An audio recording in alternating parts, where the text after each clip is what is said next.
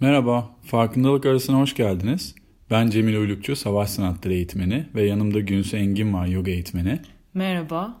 Uzun bir ara oldu podcast kaydetmeyeli. Epey yoğun bir dönemden geçtik. Seminerler, kamplar, seyahatler. Yani e, pek fırsat bulamadık. Kusura bakmayın o sebeple. Podcastlerimizi biz kendi eğitmeni olduğumuz alanlar ve sevdiğimiz konular üzerine yapıyoruz ve bunları paylaşmaktan da büyük keyif alıyoruz. Sizlerden de hep güzel geri dönüşler geliyor. Bizi motive ediyor bunlar. Teşekkür ederiz. Bu bölümdeki konumuz bir insanın hayatının amacını araması ve onu bulması hakkında. Yani insan olarak potansiyelimizi gerçekleştirmek ne demek ve nasıl bir motivasyonla bunu yapıyoruz? Öncelikle kendimizden de bahsederek buna gireceğiz bu konuya ve ayrıca eski yazılı metinlerden, yoga ve meditasyonun çıktığı yerlerden paylaşacağız. Ve ilham aldığımız kaynak bir kavram aslında. Bu kavram Shraddha kavramı. Shraddha kavramıyla ilk olarak yoga felsefesi eğitimi aldığımda karşılaştım. Shraddha kavramı eski Hint metinlerinden birisi olan Bhagavad Gita'da geçiyor ve bununla ilgili önce bir şey okumak istiyorum. Eknat Esvaran isminde bir felsefeleri yorumlayan birisinin bir yazısı. Bu kavram öncelikle Türkçe'ye de zor çevrilen bir şey. Şrada. Ancak İngilizcesi de diyor ki fate kelimesi ona en yakın kelime. Bu fate'in Türkçesi de şu, itimat, emniyet, güven ve inanç anlamlarında. Şöyle devam ediyor. Aslında anlamı daha derin. Tam olarak kalbin içine yerleştirilen anlamını taşıyor. Hiç sorgulamadığımız ve bizi şekillendiren şeyler. Bir kavram değil şurada, bizim maddemizin özü. Bhagavad Gita'da 17.3'te der ki kişi şradasıdır modern dünyanın teknolojiye olan güveni, itimatı, inancı bir örnek olarak uygarlığın geldiği yeri belirliyor. Tıpkı bunun gibi. Gita'ya göre doğru şrada spiritüel kurallara olan inanç, güven, itimat. Yani her insanda olan saf farkındalık. Yanlış şrada illaki ahlaki olarak yanlış olan demek değil sadece cahil olmak demek. Fiziksel dünya dışında bir şey olmadığına inanmak. Kimyasal bir birleşim ötesinde bir şey olmadığımıza inanmak. Mutluluğun şahsi isteklerini takip etmeden bulunamayacağına inanmak. Bunlar yanlış sırada diyor. Bu tarz inançlar hayatın gerçekleştiremeyeceği şeylere bağlanmaktır. En nihayetinde hayal kırıklığına uğranır. Sonunda Shraddha değişir, evrimleşir. Karmanın amacı Shraddha'nın sonuçlarını bize öğretmektir. Böylelikle deneyerek ve deneyimleyerek her insan kendini tamamıyla tatmin edecek hale gelsin. Burada tabii ki çok daha spiritüel bir metin üzerinden bunu anlatıyor.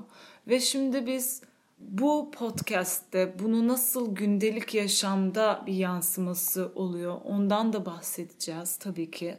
Ama bu metinler çok daha bu kavramların nereye dokunduğunu anlamak için yardımcı oluyor bize. Çünkü her şey sadece bu maddi dünyayla da ilgili değil. Daha bunun ötesinde bir algıdan da bahsediyorlar. Bir insanın bu hayatta nasıl bir şeyi kendine adayarak yaptığı hakkında burada bir bölüm var ve bunun meyvelerini nasıl alıyorsun? Ne zaman ki bir insan bir şeye tamamıyla kendini adıyor, ben onun inancını bütünleştiriyorum. O zaman da fedakarlık oluyor. Ondan sonra her isteği o kişinin benim tarafımdan gerçekleştiriliyor. Şimdi burada ben diyen tabi burada eski bir metin üzerinden yazılan bir metafor. Yani tamamen fedakarlıkla ve tamamen kendini bir şeye adayarak o şeyi yaptığında önüne kapılar açılmaya başlıyor. Bunu deneyimlemişsinizdir.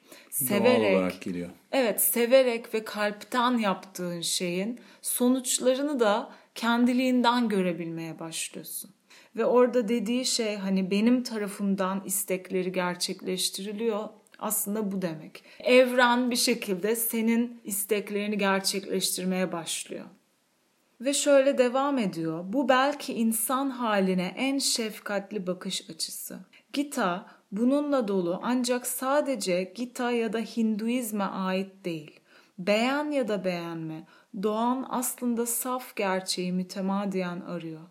Bütün deneyimlerin amacı, eylemlerin hedefi, her şey insanı içe döndürmek ve özümüzü görmemiz için. Dışarıda tatmin arayan herkes aslında saf farkındalığı arıyor. Sonunda Bhagavad Gita aslında bir emirler kitabı değil, bir olasılıklar kitabı. Günahtan bahsetmiyor. Ancak cehalet ve bu cehaletin sonuçlarından bahsediyor. İnsan doğasında her an seçimlerle karşılaşıyoruz. Hayat içimizdeki savaştan daha büyük bir savaş vermiyor. Onu itiraf etmeliyiz. Yani buradaki şimdi bu metinlerdeki bahsettiği şeyi metaforlar olarak ve benzetmeler olarak da anlayalım, öyle alalım. Ve bence gündelik yaşamdaki insanın amacı üzerine çok yardımcı oluyorlar. Eğer doğru yorumlanır ve doğru anlayabilirsek, bahsettiği içimizdeki savaş aslında gündelik yaşamdaki savaş. Çok ötede, uzakta bir şey değil. Her gün içeride hissettiğimiz o çatışma, mücadele, kendimizi keşfetmemiz, ne istiyorum ben aslında bu hayatta? Ne yapmak istiyorum? Dışarıda bir savaş yok diyor işte. Asıl savaş kişinin kendi içinde. Ben kimim? İsteklerim neler? Ben neyim? Ben insanlara hani nasıl faydalı olabilirim veya ne yaparsam gerçekten kendime gerçekleştirmiş olacağım. İşte çoğumuzun aslında sorusu bu bence. Mesela bu konuda bana en çok ilham olan insan sensin. Çünkü sen hani çok küçük yaşta aslında yapmak istediğin şeyi, potansiyelini keşfetmişsin ve çok erken yaşta buna bu yola doğru girip hiçbir şekilde vazgeçmeden, sapmadan başka bir yere kendi potansiyelini gerçekleştiriyorsun şu anda. Aslında şurada kalbe yerleştirilen şey dharma ya da yol yani o kalbe yerleştirilen şeyle yürüdüğün yol hı hı. çok doğal. Yani insanın zorlayarak bulamayacağı bir şey. Yani bilmiyorum o bir şans mı? Hani onunla tanışman ve karşılaşman. Ama insan onu bulduğunda o zorlu aşamaları hiç öyle gelmiyor. Çünkü o büyük bir mutluluk orada devam etmek keyif ve orada o yolda ilerlemek sana keyif veren şey. Yani bir yere ulaşmak değil. Başarı da değil sonucu. Çünkü başarının içinde biraz ego da var. Yani bir şeyi başarmak için zorlayarak, kendini belki hırpalayarak verdiğin çaba da var. Ondan uzakta bir şey bu. Yani bence savaş sanatları kendi yaptığımdan örnek verirsem öyle. Bir yere gelmek için, işte hedefe, sonuca ulaşmak için yaparsan o yine sanki o darmanı gerçekleştirmek olmuyor. Evet sanki şöyle gibi o şeyi yaparken tamamen seni anda tutmaya yarayacak bir şeyi bulmak. Hı hı. O zaman keyif alıyorsun. Evet. Hani zaten o bence insanın potansiyeli ve bir kişinin hayat amacı. Ve tutkuyla birebir bağlantılı içinde tutku var. Yani Hı-hı. o şeye karşı tutku da duyuyor olman lazım. Kalbin içine yerleştirilmiş olan ve kalpten de paylaşabildiğin bir şey olması lazım. Yani kalpten gelmiyorsa zaten bir şeye nasıl bir tutku geliştirerek kendini ona adayabilirsin. Hı hı. Yani ben şu şeye kendime adayacağım diyerek o şeye kendini adayamazsın ve yıllarını veremezsin. Kendini adadığın şey gerçekten kalbinden geliyor olmalı ve kalbine yerleştirilmiş olmalı ki kendini ona doğal olarak adayasın. Evet. Ve başarı varsa da bu tabi başarıyı neyle ölçtüğüne göre değişir. Doğal gelen bir şey. Çok fazla insana o yaptığın şeyle ulaşmak için onu yapmıyorsun da zaten sen onu tutkuyla ve severek yaptığın için çok insana ulaşıyorsun. Hı hı. İnsanlar bunu evet. görüyorlar, anlıyorlar. Ve bu zorlayarak olabilecek bir şey asla değil. Ve Zen'de de bu birebir olan bir şey. Savaş sanatları Zen ya da Chen iç içe. Mesela Suzuki Zen ustası şöyle diyor. Bir şeyi tüm kalbinle yapmak Zen başlı başına. herhangi bir şeyi ve tam olarak kendini adayarak, tam odaklanarak, tam anlamıyla yapmak zen. Bir sürü şeyi aynı anda yapmaya çalışmak hı hı. belki tam olarak o demek değil. Yani bir anda bir şey yapmak evet. zenden gelen şey bununla yine bağlantılı. Ve hani çok zor aslında tüm kalbimle yapmak istediğim şey nedir? Zaten çoğu insan bunu arıyor. Evet. Ne, nedir o tüm kalbimi vererek yapsam mutlu olacağım. Evet. Veya yapabilirim tüm tüm kalbimle. Evet. Yani onu zaten bulamıyor çoğu kişi. Ben onu demek istedim. Belki hani bulanlar o konuda bilemiyorum ona şans denir mi? O anlamda hem çok minnettar hem şanslı hissediyorum kendimi ki küçük yaşta öyle bir şeyle karşılaşabildim. Hı hı. Ama başka bir şey de var ki mesela zaten öyle bir aileye doğup öyle evet, bir ortamda bir gelişmiş olmadı. olmak. Evet belki bir seçim de değildi. Yani bana şey gibi geliyor. Tamamen hayat seni o yola hani sokuyor eğer kendini dinlersen. Hı hı. Eğer toplumun senden beklentilerini gerçekten risk alıp bir yana atıp o beklentileri karşılamayıp kendi isteklerinin doğrultusunda evet. yani o istekler de bencilce istekler değil aslında başka türlü olamazdı. Hı hı. Yani o kadar seni o yola sokuyor bir şey, bir enerji ve ona doğru yöneldiğinde bence gerçekten kalpten yaptığın, yapmak istediğin şeyi buluyorsun. Ki herkes biliyor bir yerde hı hı. ne istediğini. Sadece bazılarımızın fırsatı oluyor daha hı hı. erken oraya gitmek için. Bazılarımızın fırsatı olmuyor. Öncelikleri başka bir şey oluyor. Ve çoğu zaman da fırsatı olmayıp hayat şartlarıyla o bahsettiğin hayat savaşında şöyle diyen insanı çok duyarsın. Şu zaman geldiği zaman ben böyle bir hayatla devam edeceğim. Kendimi şuna adayacağım veya emekli olduktan sonra kendimi şuna adayacağım. Evet. Onlar da aslında oraya gitmek istiyorlar ve belki onu keşfetmişler ama anın gerektirdiği e, şartlar yapamamalarına neden olmuş. Senin biraz hikayenden bahsetmeni diliyorum sana. tamam. yani hem ben çok keyif alıyorum her seferinde dinlediğimde hem de bence çok ilgi çekici ve dinleyicilerimiz de keyif alacaklar. Sen nasıl oldu da bu savaş sanatları yoluna girdin ve bu kadar küçük yaşta bunu keşfettin yani ne istediğini bildin o kadar küçükken. Bir anlatsana bize. Yani benim ailemden gelen bir şeydi savaş sanatları. İşte dedem, babam hepsi eski güreşçiler, geleneksel. Ve çocuk yaşta ben kendime bildim bileli. Yani babamla antrenman yapardım, bize öğretirdi e, ve onun disipliniyle yetiştirdi bizi.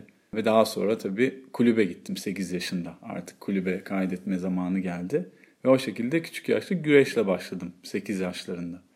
4 sene kadar yaptıktan sonra izlediğim böyle filmlerin etkisiyle daha hareketli bir branş yapmak istedim. Yumruk, tekme falan. Hangi filmleri izledin? Bruce Lee, Jackie Chan falan.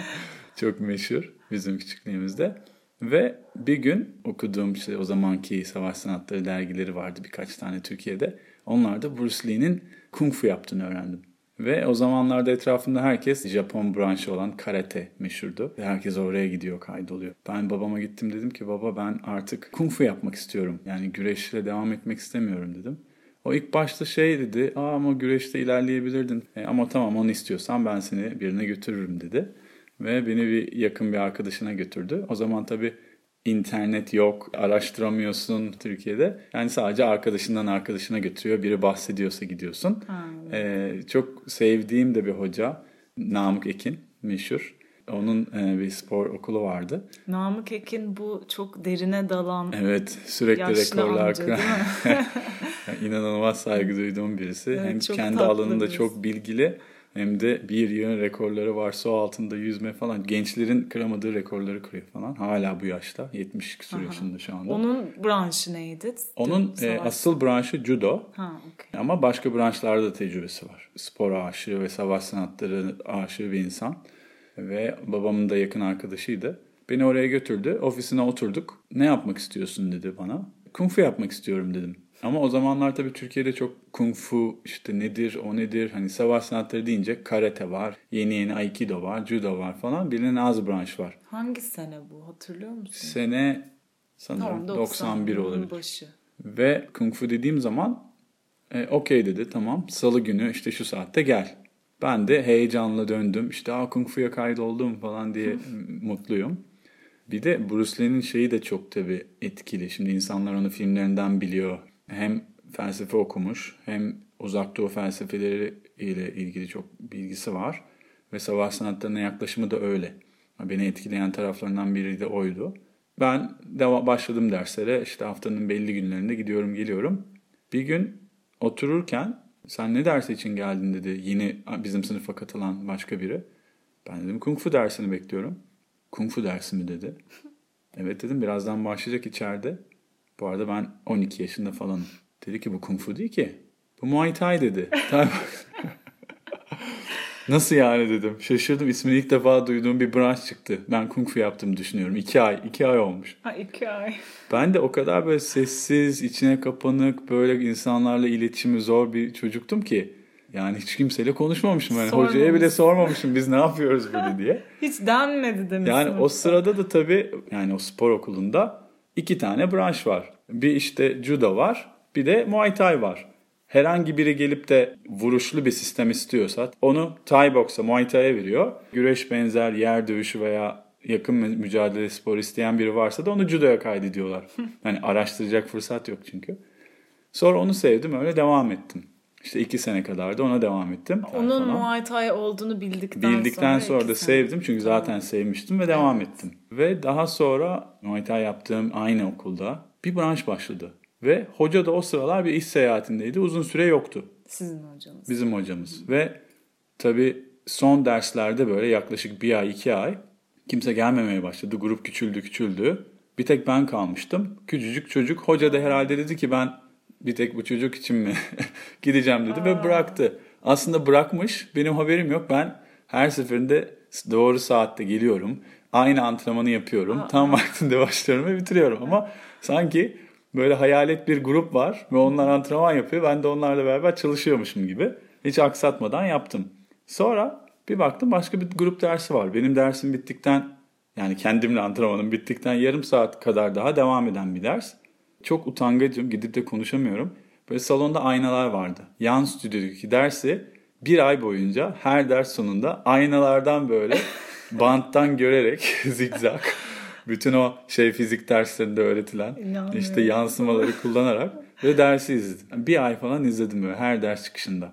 Sonra yine bir gün ben antrenman yaparken kendi branşımı çünkü düşünüyorum ki hoca bir gün yine geri gelecek ve ben devam edeceğim. O kadar sadakatim üstün ki hocaya karşı. Hocam eğer bırakmış kimse de bana gelip söylemiyor. Çocuk geliyor kendi oynuyor gidiyor zannediyorlar.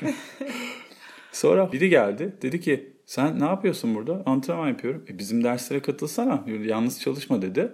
Ben de zaten öyle bir şey bekliyorum. Çünkü orada gördüğüm hareketler çok ilgimi çekti ve kung fu'ya benziyor. Yani hmm. gördüğüm şeylere benziyor. Ama soramadığım için tam olarak bilmiyorum. İlk derse öyle öğrencilerden birinin davetiyle katıldım ve başladım. Sonra öğrendim ki o branş işte kung fu'ymuş. Wing Chun Kung Fu şimdi yaptığım, öğrettiğim branş. Ve o şekilde başlamış oldum. Yani o anda orada o dersin başlaması, benim zaten ona arıyor olmam neyle açıklanır bilmiyorum. Ve bilmeden başlaman ve ona şimdi evet. hani devam ediyorsun. Ve öyle başladı. 14 yaşındayken öyle başladım. İnanılmaz yoğun çalıştım. Yani hala öyle. Hiç boşluk vermedim. Haftanın işte 3 günü bir yerde ders vardı. Benim hocam başka bir yerde Anadolu yakasında İstanbul'da başka bir ders başlatmıştı. Ben tabii ki o fırsatı kaçırmadan gitmiştim. Haftanın 5 gününe çıkarmıştım ilk seviyelerde antrenmanı. Hiç başka hiç boşluğum olmuyordu. Ve okulda arkadaşlarım bir yere davet ederlerdi. Hepsini reddediyordum çünkü antrenman kaçıramazdım. Ve çok seviyordum. Diyordum ki bu. Ben buldum ve o yaşlarda benim için çok duygusal. Gerçekten şimdi konuşurken bile öyle. Ve hala o duyguyla aktarmaya devam ediyorum ve hiç unutmuyorum. Aradığını bulduğunu düşünen insanlara paylaşmak ve daha fazla insanı tanıştırmak konusundaki tutkum çok büyük. Umarım da o geçiyordur insanlara. Ve o zamanlarda öyle yani hiç Türkiye'de de olmayan bir branştı. E, ders vermeye başladım. Hocam yurt dışına taşındı. Küçük yaşlardaydım ve 16 yaşında ben ders vermeye başladım. Ve o zamanki hocamın bana da devrettiği grubu öğretmeye devam ettim. Küçücük bir grup vardı. 4-5 kişi ve yeni gelen öğrenciler geldiği zaman işte hoca kim diye bakarlardı. Uzun süre bulamazlardı. Benim hoca çünkü hiç tahmin etmiyorlar. ve o zamanlarda öğrencim olanlara gerçekten yani ayrı teşekkür ediyorum. Çünkü uzun yıllar devam ettiler ve hala o zamanlardan öğrencim olan insanlar var. Yani düşün gidiyorsun bir yere bir branş öğreneceksin. 16 yaşında genç biri sana öğretiyor. Ben öğretmenim diyor. Vay ve ona saygı duyup öğrenmeye devam ediyorsun. Yani o zamanlarda başka bir şey düşünemiyordum. Ve meslek olarak yapmak gibi bir şeyim ve meslek olarak da hala görmüyorum. O zamanlarda bir niyetim yoktu. Ama baktın ki hani bundan kendini geçindirebilmeye de başladığını gördün. Ve o zaman niye ben bunun dışında başka bir şey yapayım? Düşüncesi mi oldu?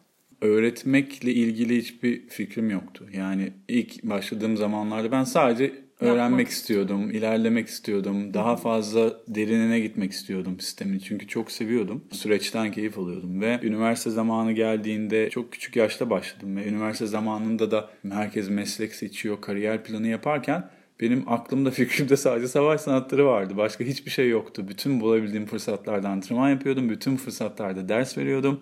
İşte bütün fırsatlarda onunla ilgili okuyorum. Bütün fırsatlarda onunla ilgili izliyorum.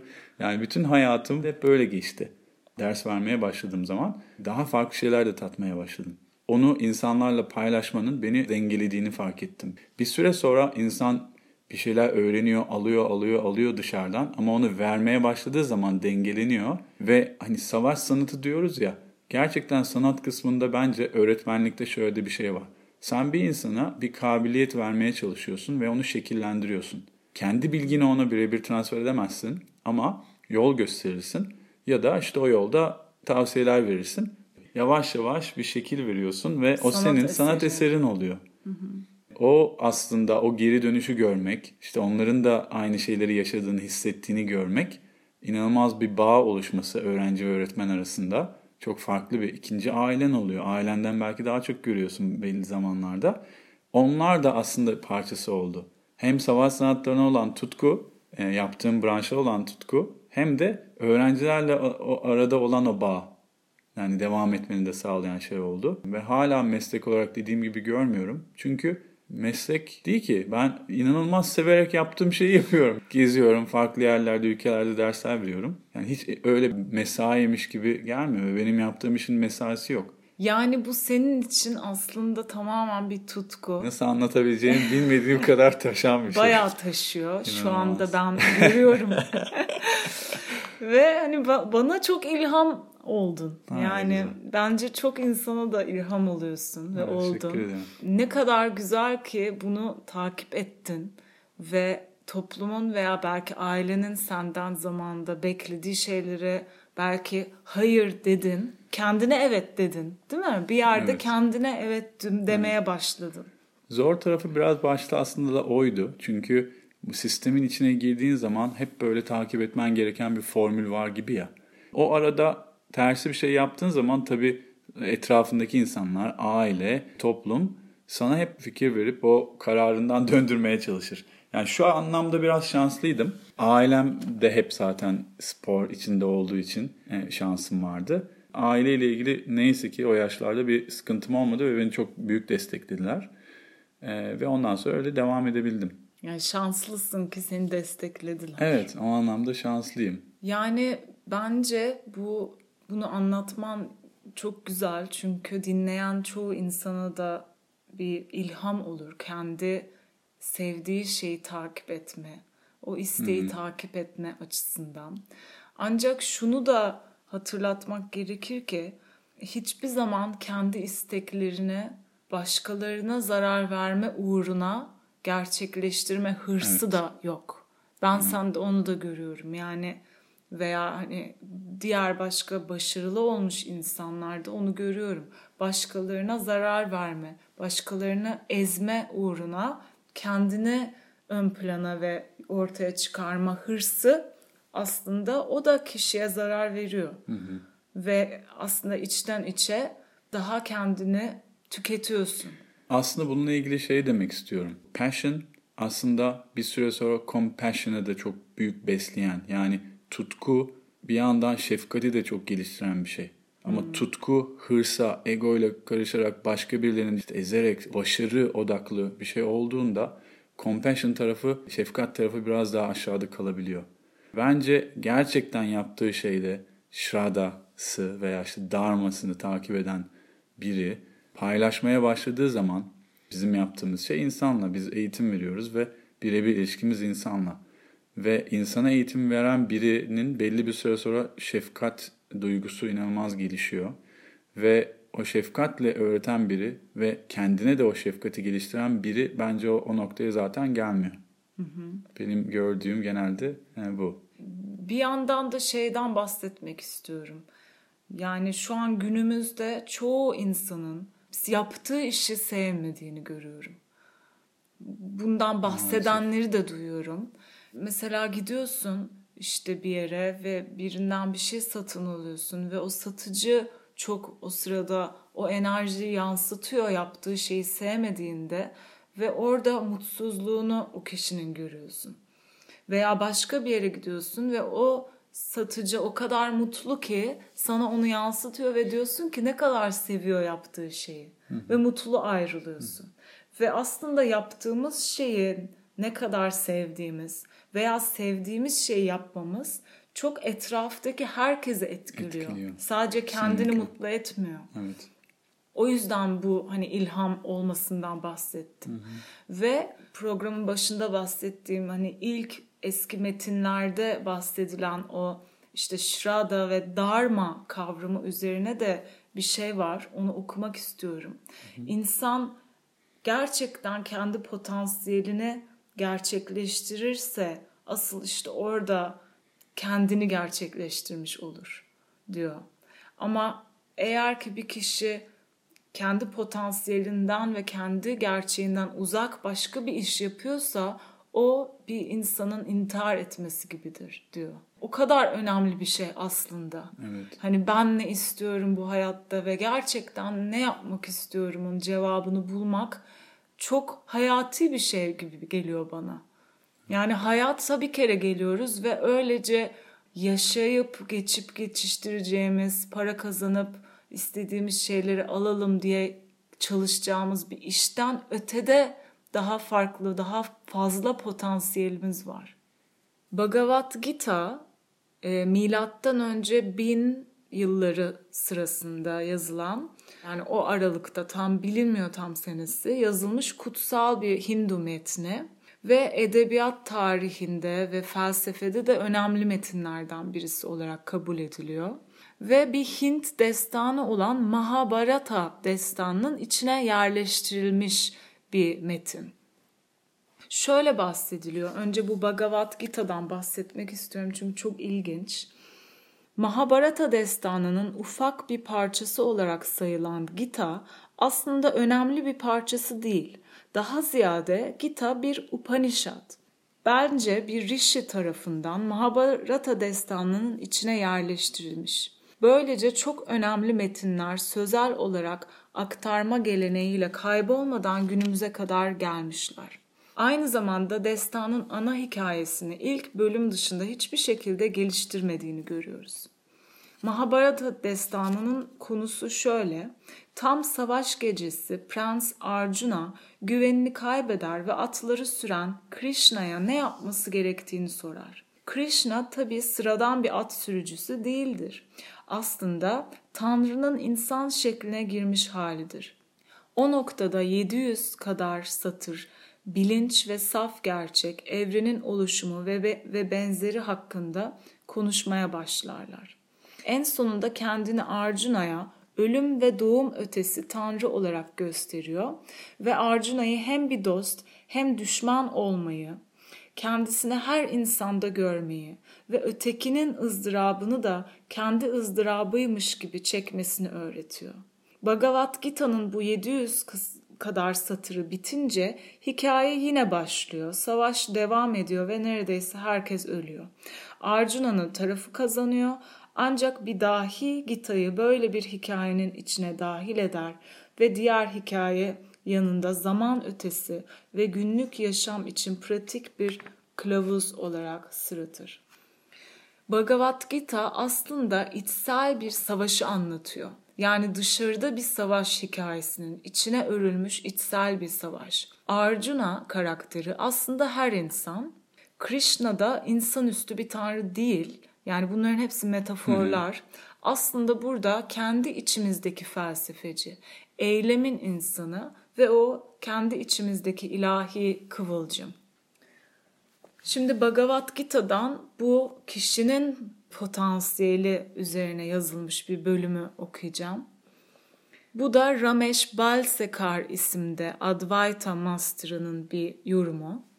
Kişinin kusurlu bir şekilde de olsa kendi görevlerini yerine getirmesi, bir başkasınınkini başarılı bir şekilde yerine getirmeye çalışmasından daha iyidir. Kendi görevlerini yerine getirirken ölmek daha iyidir. Bir başkasının görevi sizi spiritüel açıdan büyük bir tehlikeye atar. Sanskrit dilinde dharma kelimesinin pek çok anlamı vardır ve hangi anlamıyla kullanıldığı cümle içinde kullanılış biçimine göre anlaşılır. Burada geçen kendi görevleri, kişinin kendi doğal karakteriyle ilgili görevleri anlamına geliyor. Yani dharma kelimesinin anlamı bu. Bir çiçeğin görevi yani bir çiçeğin darması çiçek açmak ve kokusunu etrafa yaymaktır. Doğadaki pek çok şey görevini sorunsuz bir biçimde yerine getirirken işte bu çok ilginç. İnsan zihni oynadığı rollerle ve oyunlarla kişinin hangi darmayı takip edeceği konusunda karar vermesini istiyor. Bu zihin yapıyor bunu diyor.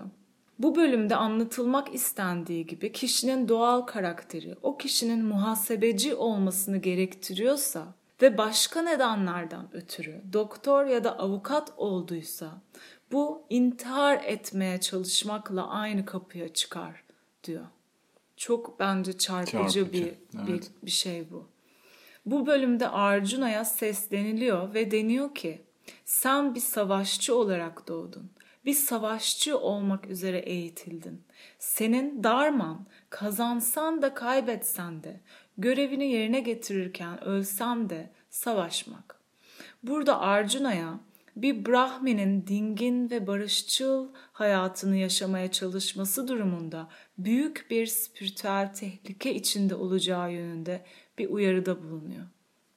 Bence bu çok etkileyici çünkü burada bahsettiği şeylerden birisi hem kişi aslında diyor ya hani bir doktor olması gereken birisi, bir işte bankacı olduysa toplum ya da başka bir şey, bir sanatçı olması gereken birisi, bir işte muhasebeci olduysa o kişi intihar etmiş gibidir. Gerçekten bu kendi darmamız yerine getirmemiş olmak, o tutkumuzu takip etmemek içten içe bizi öldüren bir şey ve mutsuzluğun kaynağı. Ve diğer yandan şunu da diyor. Arjuna bu hikayede savaşçı. Ve diyor ki senin doğan savaşçı olmak. Hani Arjuna şimdi gidip bir Buda gibi ağacın altında meditasyon yapıp spiritüel ve dingin bir insan olursa işte o da onun için intihar etmek demektir. Yani şey değil herkes için. Herkesin potansiyeli ve aslında en mutlu olacağı şey spiritüel yola girip meditasyon yapıp oturup daha dingin, daha barışçıl bir hayat sürmek değil. Böyle zannediyoruz. Suçlu hissediyorsun eğer sen işte hani hep böyle meditasyon yapıp veya hep böyle dingin olup yaşamını barış içinde insanlarla böyle sevgi dolu geçirmezsen o gün böyle birisiyle tartıştığında suçlu hissediyorsun. Şey de aynı şekilde. Belki senin için değil ama dövüşçüler işte MMA yapanlar var ya o ringe girip dövüşerek bir şey kazan tabii, yani tabii dövüşerek kazanıyor maçları tabii. ve gerçekten yapabildiği en iyi şeyi yapıyor. Hı hı. Ve bu sayede dünyaca duyuluyor hı hı. ve belki de çoğu insana ilham oluyor. Evet. Ama şey değil hani barışçıl bir böyle dingin bir yaşama sahip bir insan değil. Ancak işte bahsettiği şey burada Bhagavad Gita'nın yaptığın şeyi kişisel bir yerden yapmamak. Bu senin darman ve sen o savaşa gitmek zorundasın. Karşıdakileri öldürmek zorundasın diyor. Bu senin görevin diyor. Ve birine zarar veriyorsun orada aslında belki. Ancak orada kişisel bir yerden yapmadığın için aslında sen yapmış olmuyorsun. Belki de o samurayın, samurayın hikayesine benziyor. Hı hı. Araç oluyorsun sadece. Darma derken kişinin potansiyelini gerçekleştirmesi derken her iş alanında birisi çalışmalı. Sadece herkes işte yoga hocası olamaz ya da sadece herkes bankacı da olamaz. Evet. Hani her iş alanında biri olmalı ki yaşayabilelim. Yani gittiğimde dışarıda hani bakkala girdiğimde orada bir satıcı olması gerekiyor. Bankaya girdiğimde bankacının orada çalışması gerekiyor. Herkes bir iş alanında çalışmalı. Ancak senin yapabildiğinin en iyisi ve senin o potansiyelin hangi iş alanında çiçeklenecek? Hangi iş alanında sen gerçekten o darmanı gerçekleştiriyor olacaksın. Ve onu bulduğunda işte artık kişisel bir yerden yapmıyorsun. Burada bahsettiği şey de o bence. Ve sen de artık sadece bir araç oluyorsun o bilginin başkalarına geçmesi için. Hani Wing Chun hocası olarak şu anda araçsın aslında. Hı hı. Bu bilgi sende depolanmış bunca yıl ve bu bilgiyi sen bir üzerinden araç olarak akıtıyorsun başka Ve dengeleniyorsun az önce anlattığım gibi evet. Ben bir konuşmacı da öyle. Mesela Hı-hı. dedin ya Eckhart Tolle. Hani... Sorduklarında öyle söyledi. Yani bu kadar soruya ne kadar nasıl bu kadar cevap bulabiliyorsun diye. O dedi ki hiçbir konuşma öncesinde hiçbir konuşma hazırlamıyorum ve hazırlanmıyorum. Sadece araç oluyorum. Burada aslında metinlerde bahsettiği hani metaforlu olan şeyler doğru yorumlandığında gündelik yaşamda bize çok yardımcı olacak rehberler. Ve herkes için dileğim gerçekten bazı şeylere hayır demeye başlayıp kendimize evet diyebildiğimizde hani neye yönleniyoruz? Hayat bizi gerçekten nereye doğru yönlendirmek istiyor? Ve ancak orada tüm potansiyelimizle kendimizi ifade edebileceğiz. Ve sadece kendini ifade etmiş olmuyorsun bence. Bilinç senin üzerinden Kendini daha güzel ve tam olarak ifade buluyor. Hı hı. Şöyle bir şeyden de bahsetmek istiyorum. Bu Bhagavad Gita'nın öğretmek istediği işte bencilliği bırakarak çalışmak. Her şey hani ne uğruna olursa sadece çalışmaktan bahsediyor eylemsizlikten bahsetmiyor. İsteklerinden arın demiyor. İstek hayatın kaynağı. Herhangi bir şeyin gerçekleşmesi isteksiz olamaz. Susuzluk, açgözlülük, bencil istekten sıyrıl diyor. Kendine ve başkalarına zarar verme pahasına, isteklerin peşinde koşmaktan, kişisel tatminin her şeyin ötesine koymaktan, bunlardan sıyrıl diyor yaptığın şeyi daha kişisel ötesi bir yerden yap diyor. Orada bahsettiği şey o. Bu da zaman içinde doğal gelişen bir şey sanki. Yani yaptığın işte kendini adayarak, tam anlamıyla vererek yaptığında olan bir şey. Suzuki'nin anlattığı gibi. Evet. Kişisel isteklerden arınarak araç olmak için sadece yapmayı da planlayamazsın ama doğal olarak gelişen bir şey sanki. Evet. Peki ben de sana sormak istiyorum. Sen Shraddha veya Dharman olarak neyi görüyorsun? Yani ben kendimden bahsedersem tabii çok fazla senin gibi çok uzun süredir yapmıyorum yaptığım şeyi. Tabii 10 sene olmuş onu da bir anda Epey geçti 10 sene. O ben sanki de araya girip şunu söyleyeceğim. Öyle diyorsun ama ben de gördüğüm, öğrettiğini kalpten öğreten insanlardan birisin. Burada olduğun için söylemiyorum. Öyle hissediyorum gerçekten. Sağ ol. Ben şöyle oldu. Aslında hiç böyle bir bir şey küçük yaşlarda yoktu. Benim ailem daha resim yapıyor. İşte sanatçı bir ailede büyüdüm. Annem de babam da ressamlardı.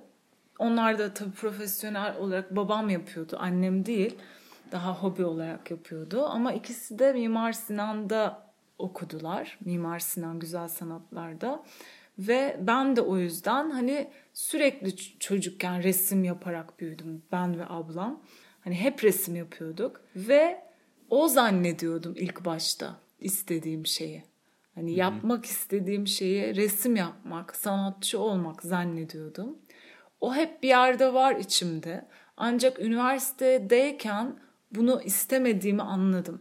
Yani bunu istemediğimi derken şu anda sanatçı olmak tamamen özgürce atölyende çizip resimlerini satmak veya heykellerini satabilmek demek değil ne yazık ki. Şu anda hani sanatçı olarak kendini geçindirmek için hani bir kurumsal bir işe girmen gerekiyor. Benim işim gereği de tiyatro ve film alanında çalıştım biraz.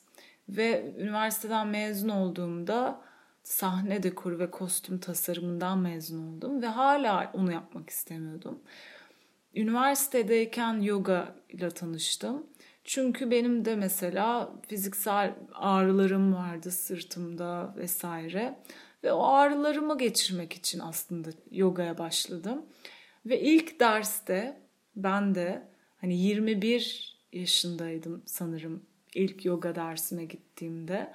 Ve ilk derste 10 senedir hissettiğim ağrıların hiçbirini hissetmediğimi gördüm.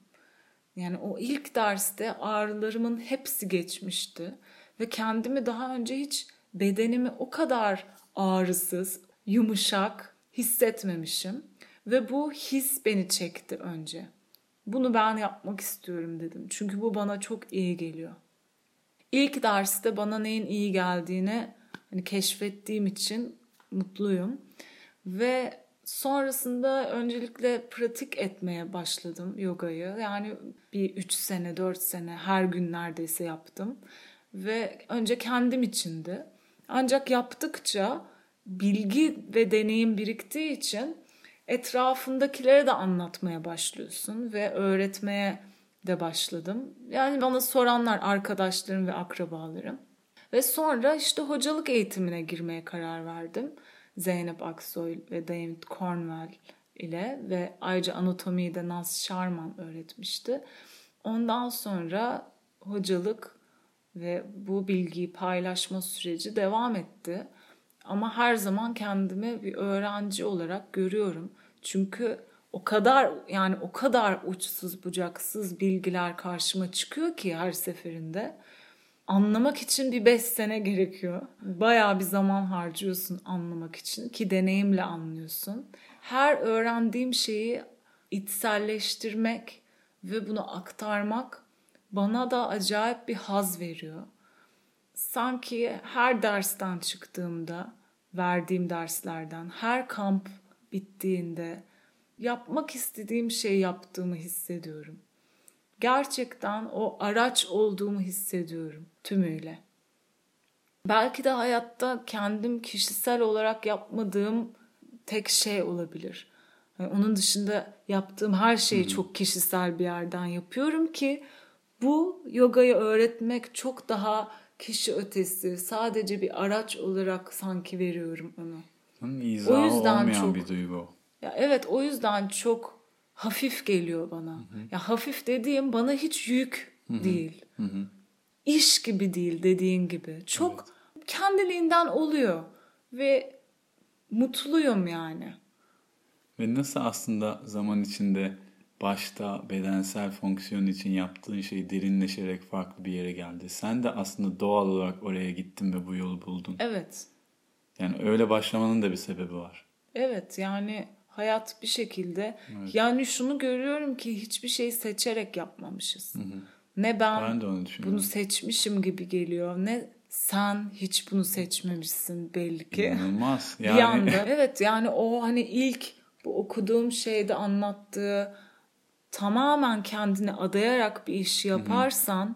bütün isteklerin benim tarafımdan gerçekleştirilir diyor. Yani Hı-hı. orada ben dediği şey de bence hayat işte evet. hayat bütün isteklerini gerçekleştiriyor sanki. Sen gerçekten o şeyi kalpten ve kendini adayarak yaparsan. Çünkü neye odaklanırsan onu görürsün. Yani bütün Düşünsene bir insan bütün gücünü, enerjisini bir lazer gibi tek bir şeye Hı-hı. odakladığında yapamayacağı hiçbir şey yok. Bu insanlara da bu duygu kesinlikle geçiyor.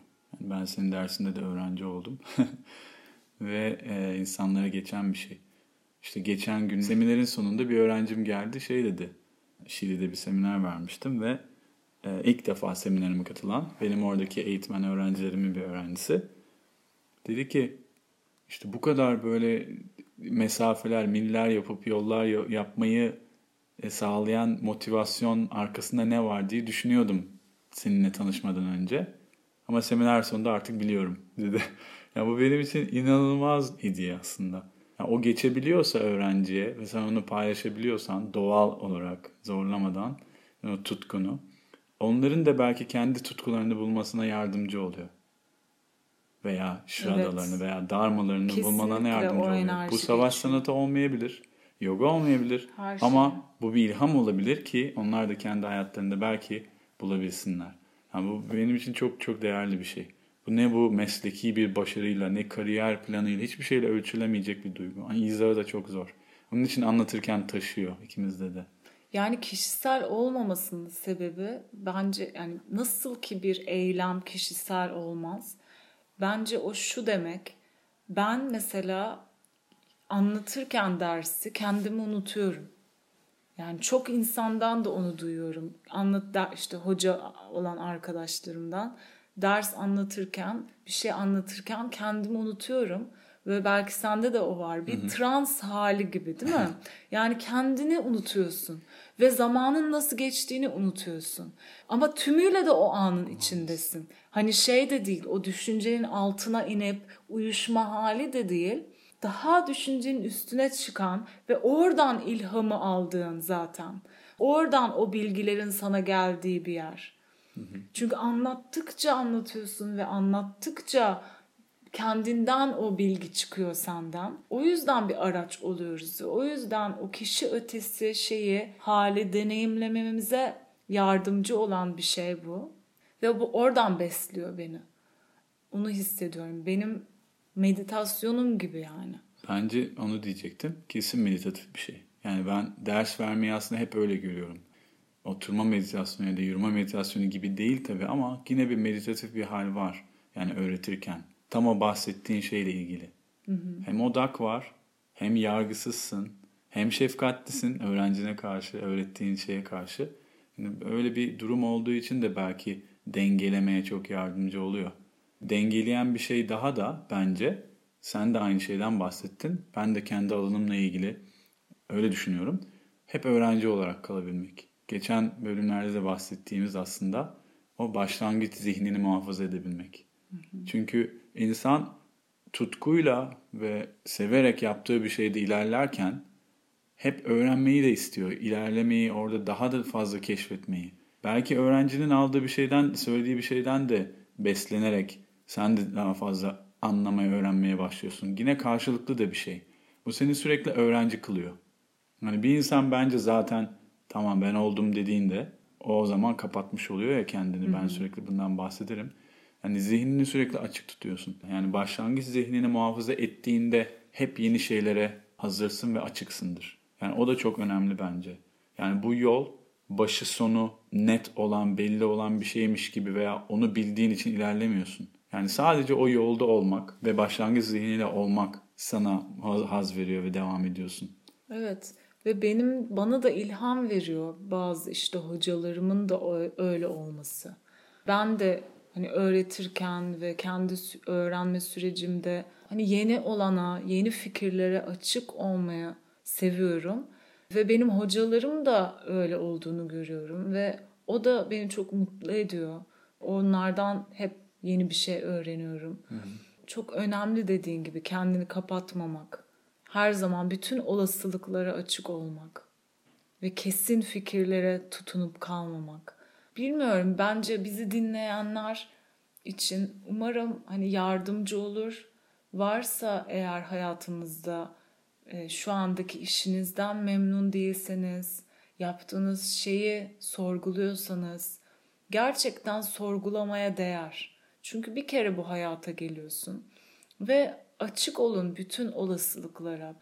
Hiçbir şey kesin değil ve bu işi yap, yapıyorsun ve bundan sonraki hep bunu yapacaksın diye bir şey yok. Sen kendini kapattığın anda evet sadece bunu yapacağım. Gerçekten de evet hani sadece bunu yapacaksın. Çünkü kendini kapatmışsın.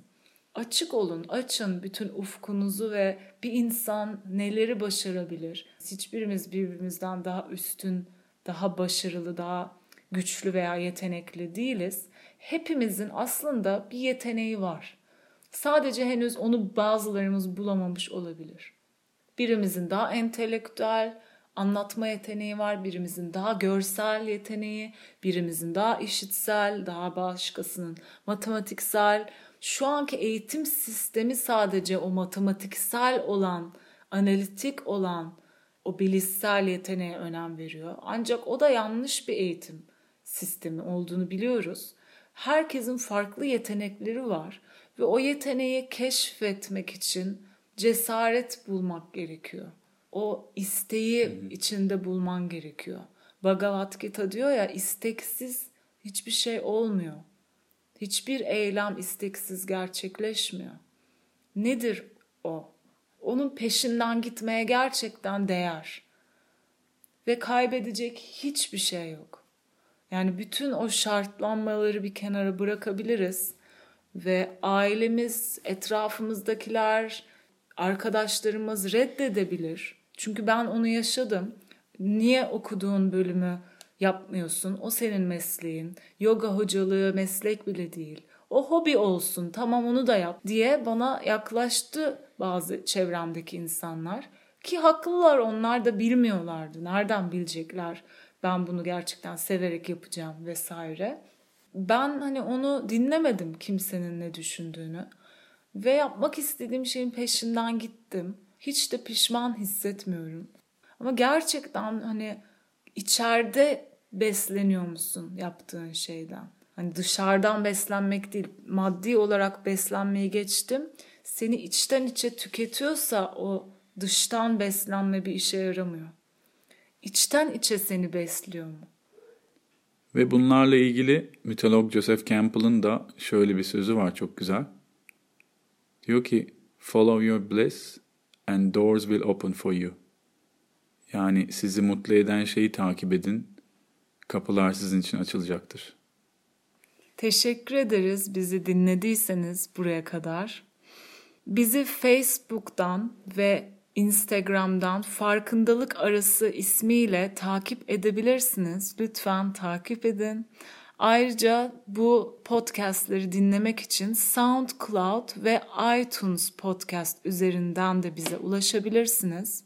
Ayrıca benim duygular üzerine konuşmalar ve bilgiler paylaştığım duygusal dünyamız üzerine bir YouTube kanalım var. Günsu Engin Yoga YouTube kanalında. Benim videolarıma da ulaşabilirsiniz.